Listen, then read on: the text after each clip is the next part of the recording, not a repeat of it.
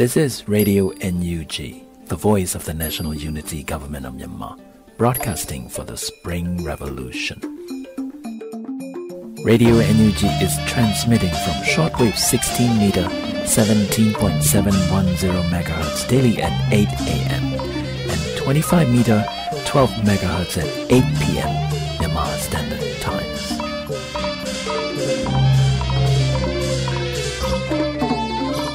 ဂလာပါခင်ဗျာအမျိုးသားညီညွတ်ရေးအစိုးရရဲ့အသံလွှင့်ဌာန Radio NUG ကိုမနေ့၈နိုင်မှာလိုင်းဒိုမီတာ16မီတာ19.87 MHz ညဘက်မှာလိုင်းဒိုမီတာ25မီတာ17 MHz တို့မှာတိုက်ရိုက်ဖမ်းယူနားဆင်နိုင်ပါပြီမင်္ဂလာအပေါင်းနဲ့ပြည့်စုံကြပါစေ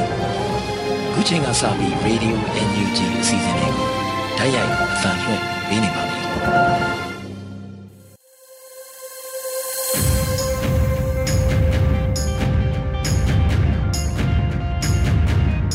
မြန်မာနိုင်ငံသူနိုင်ငံသားအပေါင်းတဘာဝပြီးစစ်အာဏာရှင်ဘေးတို့ကနေကင်းဝေးပြီးကိုယ်စိတ်နှဖျားကျန်းမာလုံးချုံကြပါစေလို့ရေဒီယို UNG ဖွဲ့သားများကဆုတောင်းမေတ္တာပို့သလိုက်ရပါတယ်ရှင်။အခုချိန်ကစပြီးရေဒီယို UNG ရဲ့နေ့စဉ်သတင်းများကို တင်ဆက်ပေးမှာဖြစ်ပါတယ်ရှင်။အော်တိုဘာလ9ရက်နေ့ရပြည်တွင်းသတင်းတွေကိုတင်ဆက်ပေးပါမယ်။သတင်းကောင်းစွေတွေကတော့ကုန်ကျန်းရှားပါပြီးဈေးကွက်အခြေအနေကြောင့်မုံရမှာရှိတဲ့ရေနံချက်ပူတွေရနာထားရ အုံဖြန်ဒုက္ခသည်စခန်းမှာကိုဗစ်ပိုးကူးစက်မှုရုတ်တရက်တိုးပွားလာတဲ့အတွက်စခန်းတွင်းသွားလာမှုထပ်မံကန့်သက်ပထမဆုံးတင်ဆက်ပေးမယ့်သတင်းကတော့ကုန်ကျန်းရှားပါပြီးဈေးကွက်အခြေအနေကြောင့်မုံရမှာရှိတဲ့ရေနံချက်ပူတွေရနာထားရဆိုတဲ့သတင်းကိုတင်ဆက်ပေးပါမယ်။စကိုင်းတိုင်းမုံရမြို့မှာရှိတဲ့ကြောက်ကရေနံချက်ပူတွေဟာကုန်ကျန်းရှားပါပြီးရေနံဈေးကွက်အခြေအနေမတည်ငြိမ်တာကြောင့်ချက်ပူအလုံးနီးပါးရနာထားရတယ်လို့ရေနံချက်လုပ်ငန်းရှင်ကပြောပါတယ်။ ရေနံစိမ်းကုန်ကျန်းဝင်ရောက်တာမရှိဘူး။ကုမ္ပဏီတွေလည်းကုန်ကျန်းဈေးကိုမဖွင့်ဘူးချက်ပူ400ကျော်ရှိတာကုန်ကျန်းမပြတ်သေးတဲ့10ပူလောက်ပဲလက်ကျန်လေးနဲ့ချက်နေကြတာဈေးကွက်အခြေအနေကလည်းမတည်ငြိမ်ဘူးချက်ပူအလုံးနီးပါးနားထားရတယ်လို့ရေနံချက်ပူလုပ်ငန်းရှင်တဦးကပြောပါတယ် မုံရကြောက်ကရေနံချက်လုပ်ငန်းဆိုတာ မကွေးတိုင်းတရက် မင်းတုံးမင်းလပေါက် မြိုင် စတဲ့နယ်တွေက ထွက်ရှိလာတဲ့ ရေနံစိမ်းကုန်ကျန်းတွေကို ဝယ်ယူပြီး ဓာတ်ဆီနဲ့ ဒီဇယ်အမျိုးမျိုးကို ကုန်ကျန်းအဖြစ် ထုတ်လုပ်ကတနိုင်ငံလုံး နေရာအနှံ့ ဖြန့်ဖြူးရောင်းချပေးနေတဲ့ လုပ်ငန်းတစ်ခုဖြစ်ပါတယ်။ကုမ္ပဏီကြီး ၄-၅ ခုရှိတယ်။သူတို့က ကုန်ကြမ်းဈေးကို ဖွင့်မပေးသလို ကုန်ကြမ်း တင်ပို့တာလည်းမရှိဘူး။အရင်က ရေနံစိမ်းဂါလံ ၈,၀၀၀ ကားတွေ အစီး ၁၀၀ ဝန်းကျင် ကျောက်ကာကို နေ့တိုင်းဝင်တယ်။အခုဒီနေ့ ရေနံစိမ်းကုန်ကြမ်းကားတွေ အဝင်မရှိတာ လနဲ့ချီနေပြီဆိုတော့ ကျောက်ကာမှာ ကုန်ကြမ်းပြတ်ပြီး ချက်ဖို့နားထားရတာပါလို့ ချက်ဖို့လုပ်ငန်းရှင်တဦးက ပြောပါတယ်။ဒါ့အပြင် ကျောက်ကာ ဆီပွဲစားတယောက်ကလည်း ကုန်ချောစက်သုံးဆီအမျိုးမျိုးမရလို့ မဖြန့်ပေးနိုင်ဘူး။လက်ကျန်ပစ္စည်းကလည်း အရမ်းကိုနည်းနေတော့ မျှတပြီး ထိန်းပေးနေရတယ်။ နယ်ဖြန့်ဖြူးရောင်းချတဲ့သူတွေဆိုတာ ကုမ္ပဏီပေါ်မှာ မူတည်နေရတာ။ကုမ္ပဏီတွေက ဆီထုတ်မပေးတော့ဘူးဆိုရင် နယ်က ဖြန့်ဖြူးရောင်းချဖို့ အဆင်မပြေဘူး။ကုမ္ပဏီတွေက ကုန်ကြမ်းပေးတာလည်း မရှိသလို ကုန်ချောဈေးကွက်လည်း မဖွင့်ပေးဘူး။အဲဒီတော့ နယ်ဘက်မှာ ဆက်သွားလို့မရတာကြောင့် ဆိုင်တချို့ ပိတ်ထားရတယ်လို့ ပြောပါတယ်။ကျောက်ကရေနံချက်လုပ်ငန်းက ထွက်ရှိလာတဲ့ ကုန်ချောစက်သုံးဆီတွေကို အမှီပြုနေရတဲ့ ချင်းတွင်းမြစ်ကြောင်းက ဆီဆိုင်တွေနဲ့ ရွှေသတ္တု တူးဖော်ရေးလုပ်ငန်းတွေဟာ အခုလ ၁ ရက်နေ့နောက်ပိုင်း အမှာကုန်ဆီတွေအလုံး မရတာကြောင့်လုပ်ငန်းတွေယာယီရပ်နားထားရတာဖြစ်ပါတယ်။ရေနံဈေးကွက်ဆိုတာကမ္ဘာ့ဈေးကွက်ကိုအမှီပြုနေရတာရှိသလိုပြည်တွင်းဈေးကွက်ကိုလည်းအားထားနေရတာရှိတယ်။ကမ္ဘာ့ဈေးကွက်ကြောင့်အခြေပြုရတဲ့ဈေးနှုန်းပြဿနာဆိုရင်အိမ်နီးချင်းနိုင်ငံတွေလည်းအဲဒီရိုက်ခတ်တဲ့ဒဏ်ကိုအလူးလဲခံကြရမှာပါ။ပြည်ပကဆီတွေအဝင်နှေးသွားတာနဲ့နိုင်ငံတကာငွေကြေးဈေးနှုန်းပြည်တွင်းမှာကမောက်ကမဖြစ်လာတာကြောင့်ဆီတင်သွင်းနေတဲ့ကုမ္ပဏီကြီးတွေကအကျပ်ရိုက်စေတာဖြစ်နိုင်တယ်။စစ်ကိုင်းတိုင်းဆီလုပ်ငန်းရှင်တွေကပြောပါတယ်။ ဒီကနေ့စစ်ကိုင်းတိုင်းရဲ့စက်သုံးဆီဈေးနှုန်းတွေဟာသယ်ယူပို့ဆောင်ရတဲ့နေရာဒေသတွေရဲ့အခက်အခဲအလိုက်ဈေးနှုန်းကွာဟမှုတွေဖြစ်နေပါတယ်။မုံရွာမှာဒီမနက်92ဓာတ်ဆီတဂါလံကို၇,၀၀၀ဝန်းကျင်ဈေးပေါက်ပေမယ့်ခန္တီးနဲ့ဟုမ္မလင်းဘက်မှာတော့တဂါလံကို၁သောင်းနဲ့မျှတရောင်းနေရတဲ့ဆိုင်တွေရှိတယ်လို့သိရပါတယ်။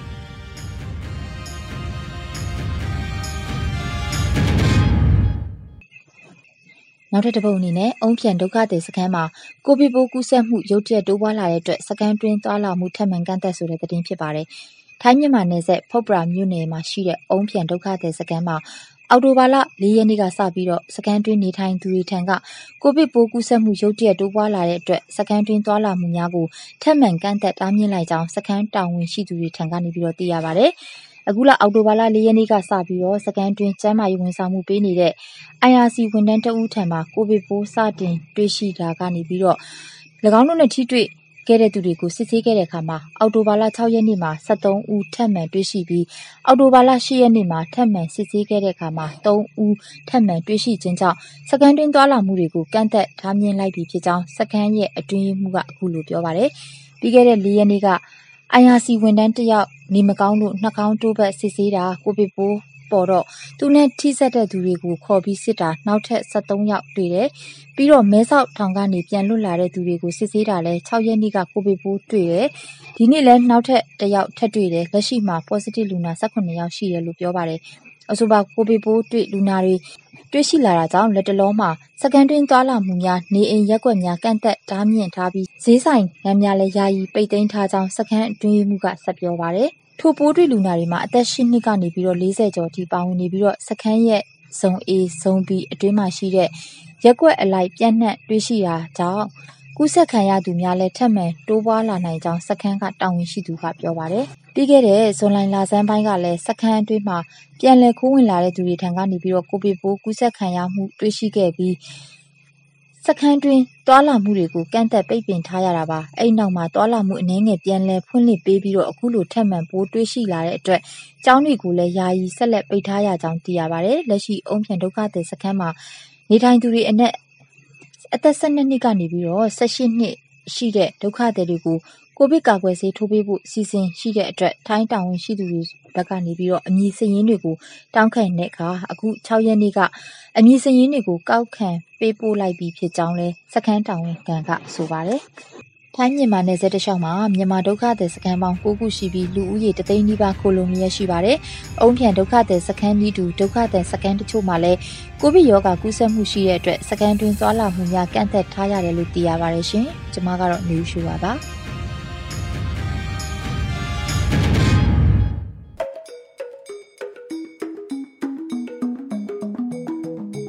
Radio UNG မှဆက်လက်အသံလွှင့်နေပါတယ်ရှင်။အခုတစ်ဖန် ပြည်သူတိုက်ပွဲသတင်းများကိုຫນွေဦးလွင်မှတင်ဆက်ပေးမှာဖြစ်ပါတယ်ရှင်။အခုချိန်ကစပြီးတိုင်းရင်းသားညီနောင်အင်အားစုတွေပြည်သူ့ကာကွယ်ရေးတပ်မတော် PDF တပ်သားတွေနဲ့ပြည်သူလူထုတို့ရဲ့အရှိန်ဟုန်မြင့်လာတဲ့တိုက်ပွဲသတင်းတွေကိုတင်ဆက်ပေးသွားမှာဖြစ်ပါတယ်။ကျွန်တော်ຫນွေဦးလွင်ပါ။ပထမဆုံးအနေနဲ့အကြမ်းဖက်စစ်ကောင်စီနဲ့တွဲဆုံဆွေးနွေးဖို့အခြေအနေမရှိကြောင်း KNI တပ်မတော်စစ်ဦးစီးချုပ်ဗိုလ်ချုပ်စောဘီထူပြောဆိုခဲ့တဲ့သတင်းကိုတင်ဆက်ပေးမှာပါ။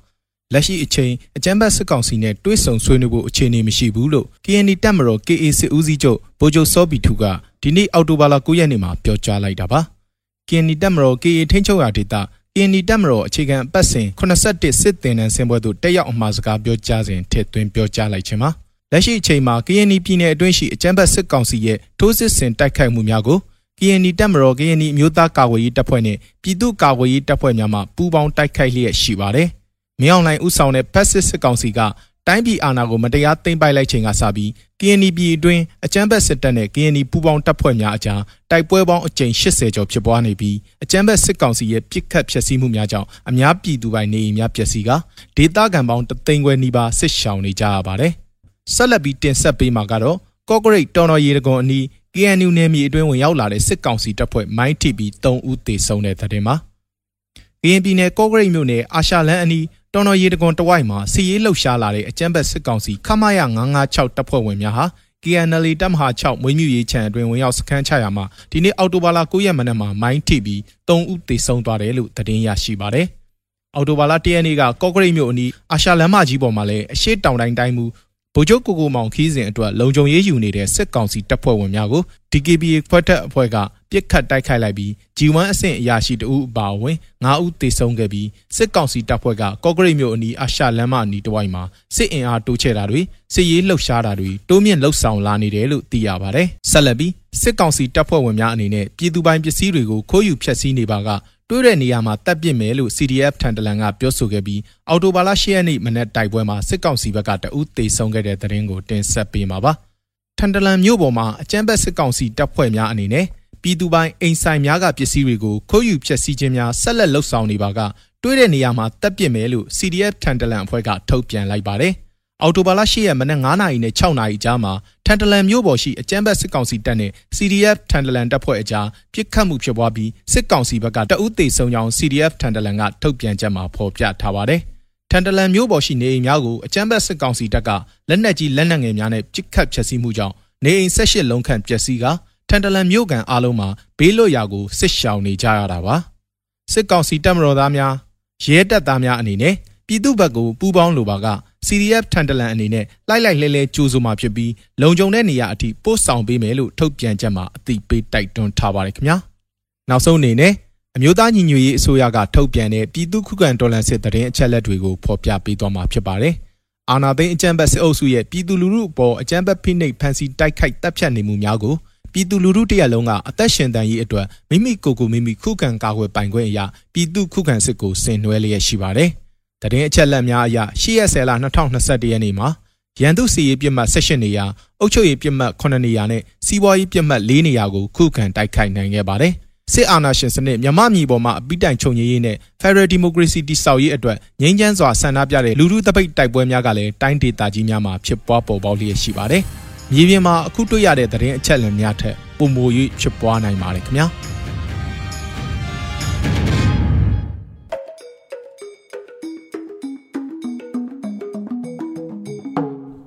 Radio UNG မှဆက်လက်တင်ဆက်ပေးနေပါတယ်ရှင်။အခုဆက်လက်ပြီးစီမံကိန်းဗန္ဒာရေးနှင့်ယင်းနှိမ့်မြုပ်နှံမှုဝန်ကြီးဌာနဝန်ကြီးဦးတင်ထွန်းနိုင်ရဲ့အင်တာဗျူးအပိုင်းနှစ်ကိုထုတ်လွှင့်တင်ဆက်ပေးသွားမှာဖြစ်ပါတယ်ရှင်။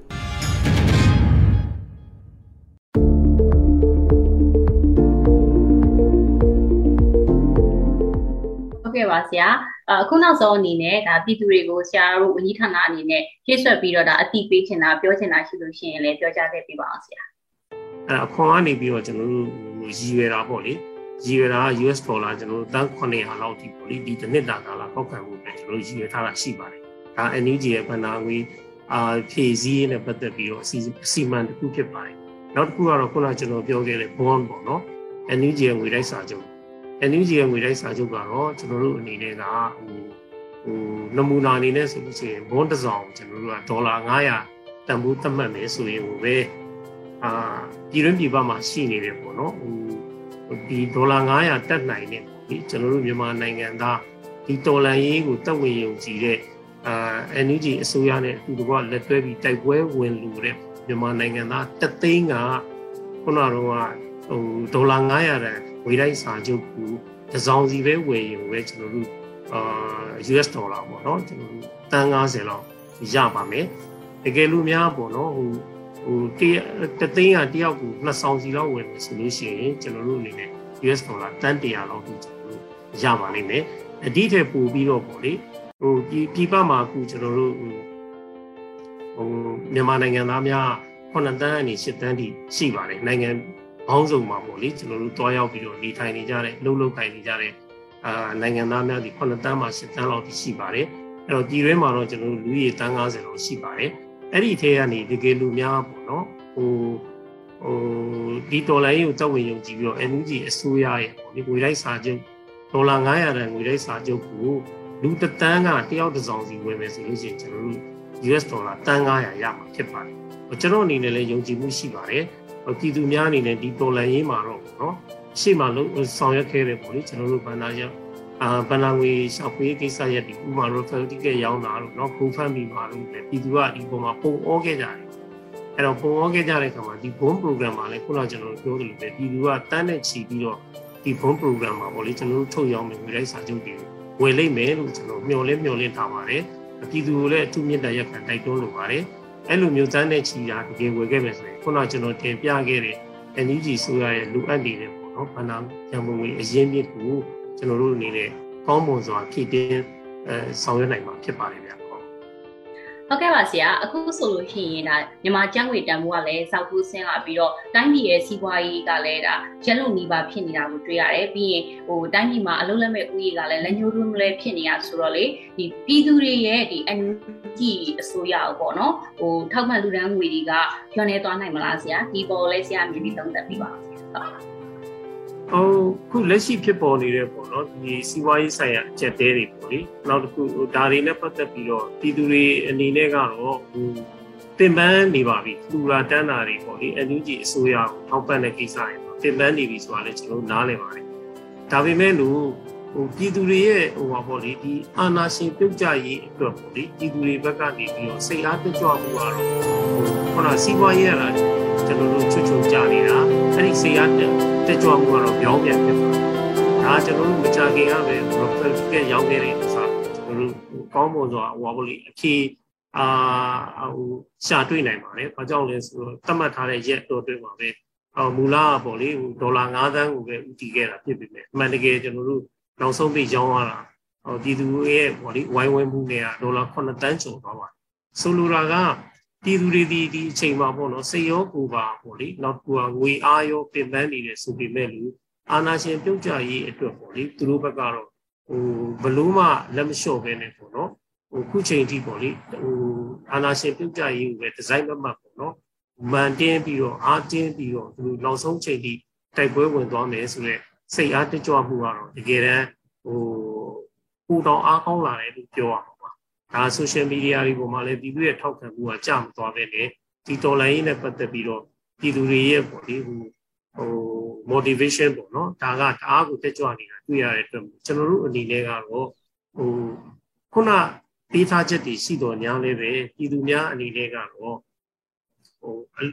NUG အစိုးရခုနအကောင့်ထဲပေါ်ဆောင်ရွက်နေတဲ့ပေါ့နော်ဒီ အလူခန္ဓာတွေနောက်တစ်ခုက campaign လုပ်တာတွေနောက်တစ်ခုကအခွန်ကောက်တာတွေဘုံရောက်မှာတွေမှာတော့ကျွန်တော်အနေနဲ့ဟိုဟိုပြည်သူတွေဘက်ကနေပြီးတော့ဟိုပါပေါ့လေအားပေးထောက်ခံမှုကကြာဆင်းသွားမယ်လို့တော့ကျွန်တော်မယုံကြည်ပါဘူးပြည်သူများကရခင်ရတဲ့တော့ပူပြီးတော့အားတက်သေးရောပေါ့လေပူပေါင်းပါဝင်ပြီးတော့ဆောင်ရွက်မယ်လို့လည်းကျွန်တော်အနေနဲ့တော့ယုံကြည်ထားပါတယ်ဗျဟုတ်ဟုတ်ကဲ့နောက်တစ်ခုသိချင်တာကတော့ဒါ NUG ရဲ့ T အကြောင်းပေါ့ဆရာ ဟိုပြီးခဲ့တဲ့လကဆိုလို့ရှိရင်ဒါ T ဆက်ဆက်ဖွင့်ခြင်းမှာပဲဟို T လက်မှတ်တွေကချက်ချင်းပဲဟိုအရောင်ရောင်းကောင်းခဲ့တာကိုတွေ့ခဲ့ရပါတယ်ဆရာအဲ့လိုရောင်းကောင်းခဲ့တာပေါ့ဒါဘာကြောင့်လို့ဟိုထင်လဲအဓိကအကြောင်းရပါများဖြစ်မလဲဆရာဟုတ်ဒီတော်လည်းကြီးကတော့လေဟိုကျွန်တော်တို့ T ကိစ္စကိုကျွန်တော်ပြန်ကြည့်မယ်ဆိုလို့ရှိရင်ကျွန်တော်တို့ကဟိုပုံမှန်ပေါ့လေအရင်တော့ T တစ်စောင်အောင်ပါလေးဆိုလို့ရှိရင်တစ်ထောင်ပဲသတ်မှတ်ပါတယ်အာအောင်ပါလေးကဟိုတစ်ထောင်ပဲသူဟို ဒီတစ်စောင်တစ်ထောင်နဲ့ပေါ့လေစုကြီးကြလို့ရှိရင်တော့ကျွန်တော်တို့ကအာဟိုပါပေါ့လေအမြင့်ဆုံးစုကြီးအနေနဲ့ပေါ့လေတိန်းတစ်တောင်းဝယ်ပေးတာဖြစ်ပါတယ်ကျွန်တော်တို့ NUG ကနေဆောင်ရွက်လိုက်တဲ့ပေါ့လေ online လို့ကြည့်လို့ဒီကတော့ဒီတစ်စောင်ကျွန်တော်တို့2000နဲ့ရောင်းတာဖြစ်ပါတယ်အဲ့တော့2000နဲ့ရောင်းတယ်ပြီးတော့စုကြီးကြတော့လေကျွန်တော်တို့ကတိန်းတစ်တောင်းဝယ်ဝေးလို့ပေါ့လေကျွန်တော်တို့15သိန်းပဲပေးပါအဲ့တော့ဒီလိုအနေထားမှာဟိုပြည်သူကနေပြီးတော့ပေါ့လေဟို ကျွန်တော်တို့ပေါ့လေဟိုချီထိုးတဲ့ဟာမှာလေစုပြုံပြီးတော့အာအားပေးချမ်းတယ်ပေါ့နော်ဟိုတအားကိုအားပေးကြတဲ့အခါကျတော့ကျွန်တော်တို့အနေနဲ့ဒီ system မှာတော့မှကျွန်တော်တို့မနိုင်တဲ့အနေအထားတွေကြီးဖြစ်ကြရပါတယ်နောက်တစ်ခုကတရက်တရက်ကိုကျွန်တော်တို့အချိန်ပြည့်တော့မရောက်နိုင်ခဲ့ဘူးပေါ့လေဒါကတော့ဟိုဟိုဒါကိုကြည်ချင်းအပြင်ကျွန်တော်အဓိကဘာကိုပြောချင်တာလဲဆိုတော့ပြည်သူတွေကဒီဒီလိုပေးထားချက်ပေါ့နော်စုကြီးကလည်းမလောက်ဆရာမရှိဘူး ထီတဆောင်ဈေးနှုန်းကလည်းမြင့်သေးတယ်ပုံမှန်ထက်အများကြီးမြင့်သေးတယ်ဒါကိုပဲဒီလောက်ကြီးအောင်အားပေးကြတယ်ဆိုတာကသူတို့ရဲ့ဒီတော်လန်ရေးပေါ်မှာပေါ့နော်ဘလောက်ထိပေါ့လေဒီတော်လန်ရေးကိုအောင်မြင်စေခြင်းနဲ့ဆိုရက်စိတ်အားတွကြွမှုကိုကျွန်တော်တို့မြင်နေရတာဖြစ်ပါတယ်အဲ့တော့ချုပ်ပြောရမယ်ဆိုလို့ရှိရင်တော့ဟိုတကယ်တော့လူဦးတီဟိုသူတို့အားပေးတာဒီစစ်အာဏာရှင်ပြုတ်ကျစေခြင်းနဲ့ပေါ့နော်သူတို့ရဲ့ဟိုစန္ဒတွေအဓိပတိတက်နေတာပေါ့နော်အဲ့စန္ဒတွေအဓိပတိတက်တာကနေပြီးတော့အားပေးတယ်လို့လည်းကျွန်တော်ကတော့ပြောချင်ပါတယ်အဲ့တော့ຫນွေဥတီအောင်ပွဲဒီတကယ်တမ်းကျတော့ကျွန်တော်တို့ NUG ရဲ့အောင်ပွဲမဟုတ်ပါဘူးပြည်သူများရဲ့အောင်ပွဲသာဖြစ်ပါတယ်လို့ကျွန်တော်ပြောကြလို့ပါတယ်ဟုတ်ကဲ့ဆရာအခုဒီပြည်သူတွေကလည်းစီးပွားရေးအရန်ချက်တဲနေပြီဆိုတော့လေနောက်လာမဲ့ထီဟိုထီအချိန်လေးမှာရောဒီရင်လာလူမျိုးပေါ့နော်ထီရောင်းအားကောင်းဖို့အညှော်လင်းလို့ရမလားဆရာ အခုကကျတော့ဒီဒီရောင်းအားကိုဆက်ထိန်ထားဖို့ရောဆရာတို့ဘက်ကနေပြီးတော့ဒီထီကိုပေါ့နော်ဒီထက်ပိုပြီးတော့ကောင်းမွန်တဲ့ထီစနစ်တွေလုပ်ဖို့ရောရှိနေလားဒါလေးလည်းသိချင်ပါတယ်ဆရာကျွန်တော်တို့အနေနဲ့ကတော့ခုဟိုပြီးခဲ့တဲ့ပေါ့လေဟိုကျွန်တော်အောက်တိုဘာ10ရက်နေ့ကဖွင့်သွားတဲ့ဟိုဟိုလေဟိုပထမအတုပ်ဆိုတာတကယ်တော့ကျွန်တော်တို့ကဟိုစမ်းတက်တဲ့အဆင့်ပါ pilot project ဖြစ်ပါတယ်မကြခင်မှာကျွန်တော်တို့က online လွှင့်ချီလူဦးချီကိုကျွန်တော်တို့အနေနဲ့ပေါ့နော်ဟို commercial launch ပေါ့လေအဲတကယ်ကိုကျွန်တော်တို့ဟိုဟိုပါပေါ့လေစမ်းသပ်အဆင့်မဟုတ်တော့ပဲနဲ့ပေါ့လေကျွန်တော်တို့ဘက်ကနေပြီးတော့ commercially launch လုပ်ပါမယ်ဟိုအဲ့လို launch လုပ်တဲ့အခါကျလို့ရှိရင်ပြည်သူများကပေါ့နော်ဟိုပူပေါင်းပါဝင်မယ်လို့ပဲကျွန်တော်ဟိုယုံကြည်ပါတယ်။ဘာကြောင့်လဲဆိုတော့ခုနကကျွန်တော်ဟိုဟိုပါပေါ့လေရှင်းပြခဲ့တယ်လို့ပဲပြည်သူတွေအထီထိုးနေတယ်ဆိုတာစုကြီးလူချင်းလူထိုးနေတာမဟုတ်ဘူး။ သူတို့အာနာရှင်ကိုတော်လန်တဲ့စိတ်နဲ့သူထိုးနေတာဖြစ်တယ်။အဲ့တော့အဲ့ဒီအာနာရှင်ကိုတော်လန်တဲ့စိတ်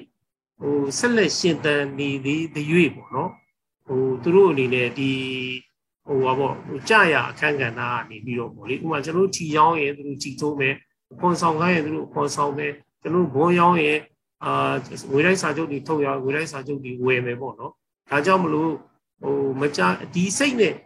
ဒီစိတ်နဲ့ဒီကိစ္စတွေဆောင်ရွက်နေတာဖြစ်တဲ့အတွက်ဒီစိတ်တွေကရှင်တန်ပြီးတော့တက်ကြွနေသမျှကာလပတ်လုံးပေါ့နော်ပြည်သူတွေအနေနဲ့ကတော့ဟိုဟိုဆက်လက်ပြီးတော့ပဲပူပေါင်းပါဝင်နေမှာလည်းဖြစ်တယ်ဒီကိစ္စတွေပေါ်မှာဆက်လက်ပြီးတော့လည်းအားပေးနေမှာဖြစ်တယ်ပေါ့နော်ဒါကြောင့်မလို့ကျွန်တော်အနေနဲ့ကတော့ဟိုမကြခင်မှာ commercial launch ပေါ့လေ online လို့ကြည့်လို့ဒီကိုပြန်လည်ရောင်းချတဲ့အခါမှာလေပြည်သူများကနေပြီးတော့ဟိုတခဲနဲ့ပေါ့နော်အားတက်သရောပေါ့နော်ဟိုရခင်လိုပဲ အဲဆက်ပြီးတော့ဒီကိုထိုးကြအောင်မယ်ဆိုတာကိုတော့ကျွန်တော်ဟိုယုံကြည်ပါတယ်ဗျဟုတ်ဟုတ်ကဲ့ပါဆရာအာနောက်တစ်ခုကကျတော့ဒီ NUG ရဲ့အစိုးရတက်တန်းအတွင်းမှာပေါ့နော်ဆရာတို့ရဲ့ဝန်ကြီးဌာနအနေနဲ့ဟိုအပြောင်းအလဲဆုံးလုပ်ခဲ့တာကိုပြောပါဆိုလို့ရှိရင်ဆရာအဲဘယ်ဟာကိုပြောပြချင်လဲဆရာဟုတ်အဲပြောရမယ်ဆိုရင်တော့ကျွန်တော်တို့အများကြီးပေါ့ဗျာခုလည်းဒီကျွန်တော်တို့ဝင်ကြီးဌာနစပြီးတော့တာဝန်ယူစီကလေးရပေါ့နော်ဟို ဟိုစစ်ကောင်စီကိုပေါ့လေ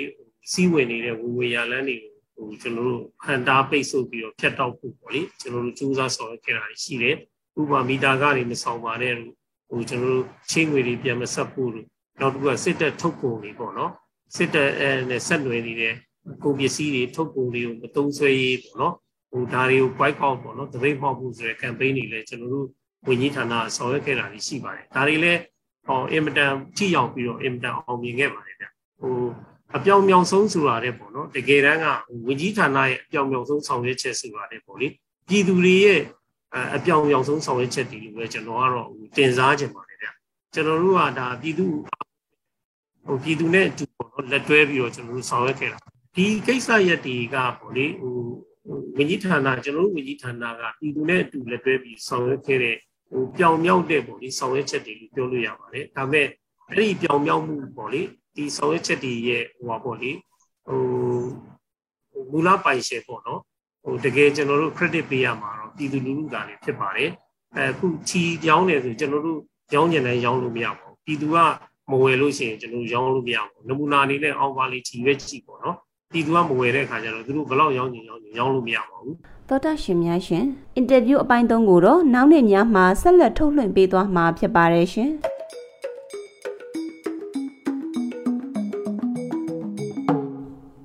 ရေဒီယိုအယူကြီးမှအတန်းလွှင့်နေပါတယ်ရှင်အခုတစ်ဖက်သူနာပြုဆရာမမခင်ကျွဲအကြောင်းဂုံပြုမှတ်တမ်းကိုနားဆင်ကြရမှာဖြစ်ပါတယ်ရှင် ရန်ကုန်သူနာပြုတင်နန်းကျောင်းအရှိပိုင်းအမတ်စင်40စင်သူနာပြုဆီယာမာလီမက်ခင်ခင်ကျွဲဟာဆရာနာရှင်စန့်ကျင်ရေးလှုပ်ရှားမှုမှာ February 3ရက်နေ့ကစပြီးပါဝင်ခဲ့သူဖြစ်ပါတယ်။အကြမ်းဖက်အာဏာယူမရအောင်လိုင်းစစ်တပ်ကအာဏာမသိမ်းမီအချိန်ထိမက်ခင်ခင်ကျွဲဟာရန်ကုန်ကရင်900ဆေးရုံကြီးမှာသူနာပြုဆီယာမာလီဘွားနဲ့တာဝန်ထမ်းဆောင်ပြီးပြည်သူတွေကိုကျန်းမာရေးပြုစုစောင့်ရှောက်ပေးနေသူတဦးဖြစ်ပါတယ်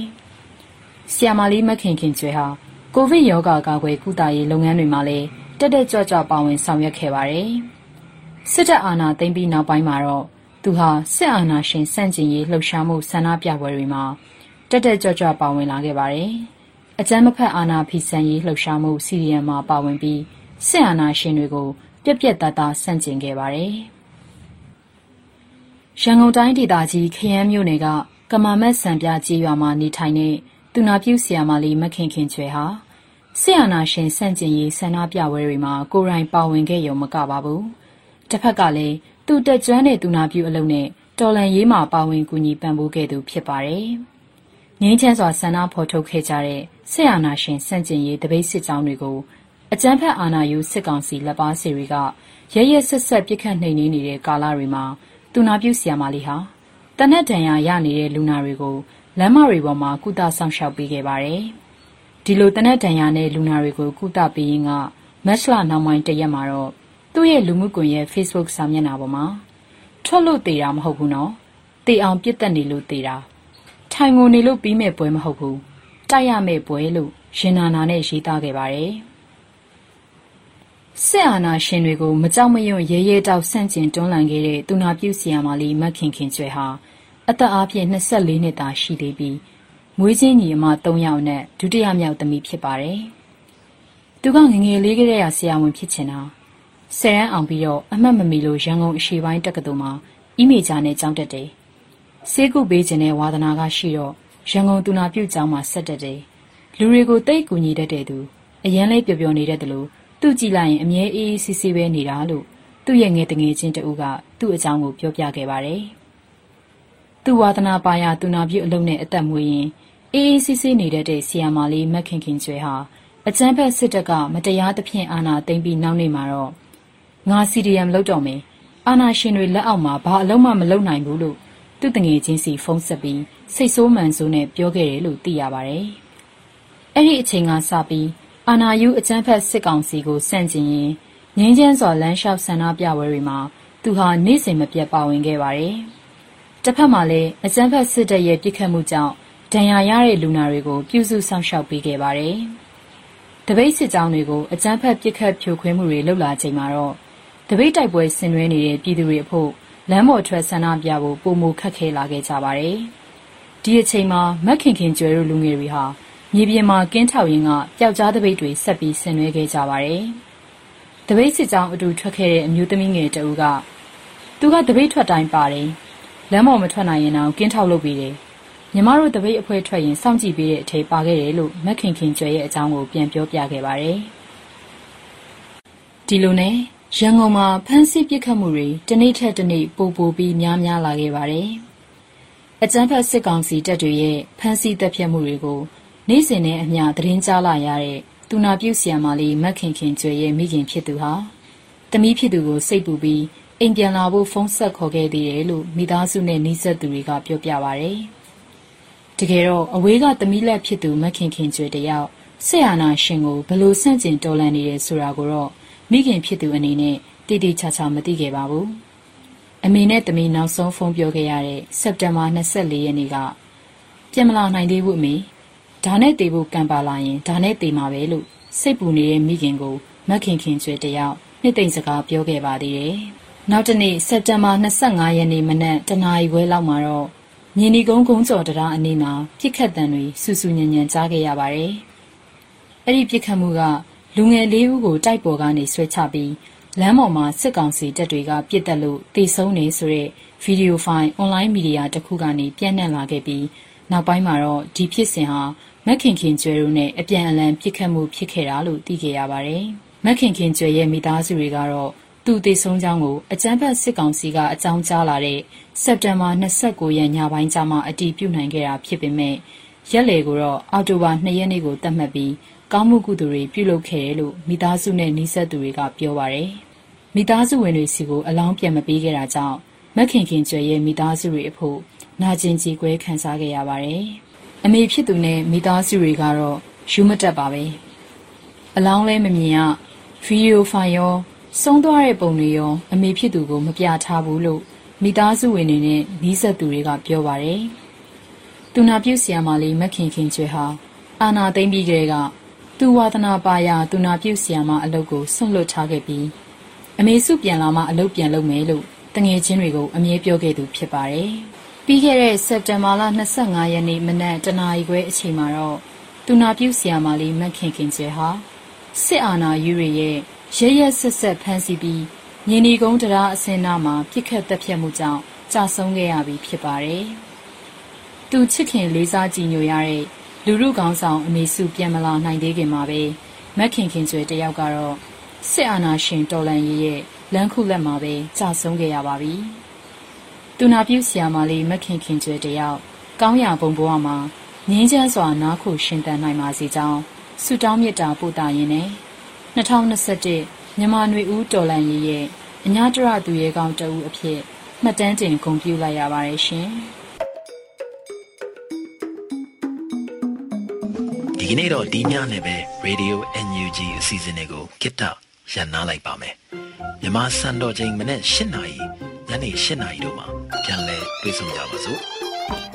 Radio NUG ကိုမနက်၈နာရီမှာ လိုင်းဒိုမီတာ16မီတာ19.87 MHz ညဘက်မှာလိုင်းဒိုမီတာ25မီတာ12 MHz တို့မှာတိုက်ရိုက်ဖမ်းယူနားဆင်နိုင်ပါပြီ။မြန်မာနိုင်ငံသူနိုင်ငံသားများ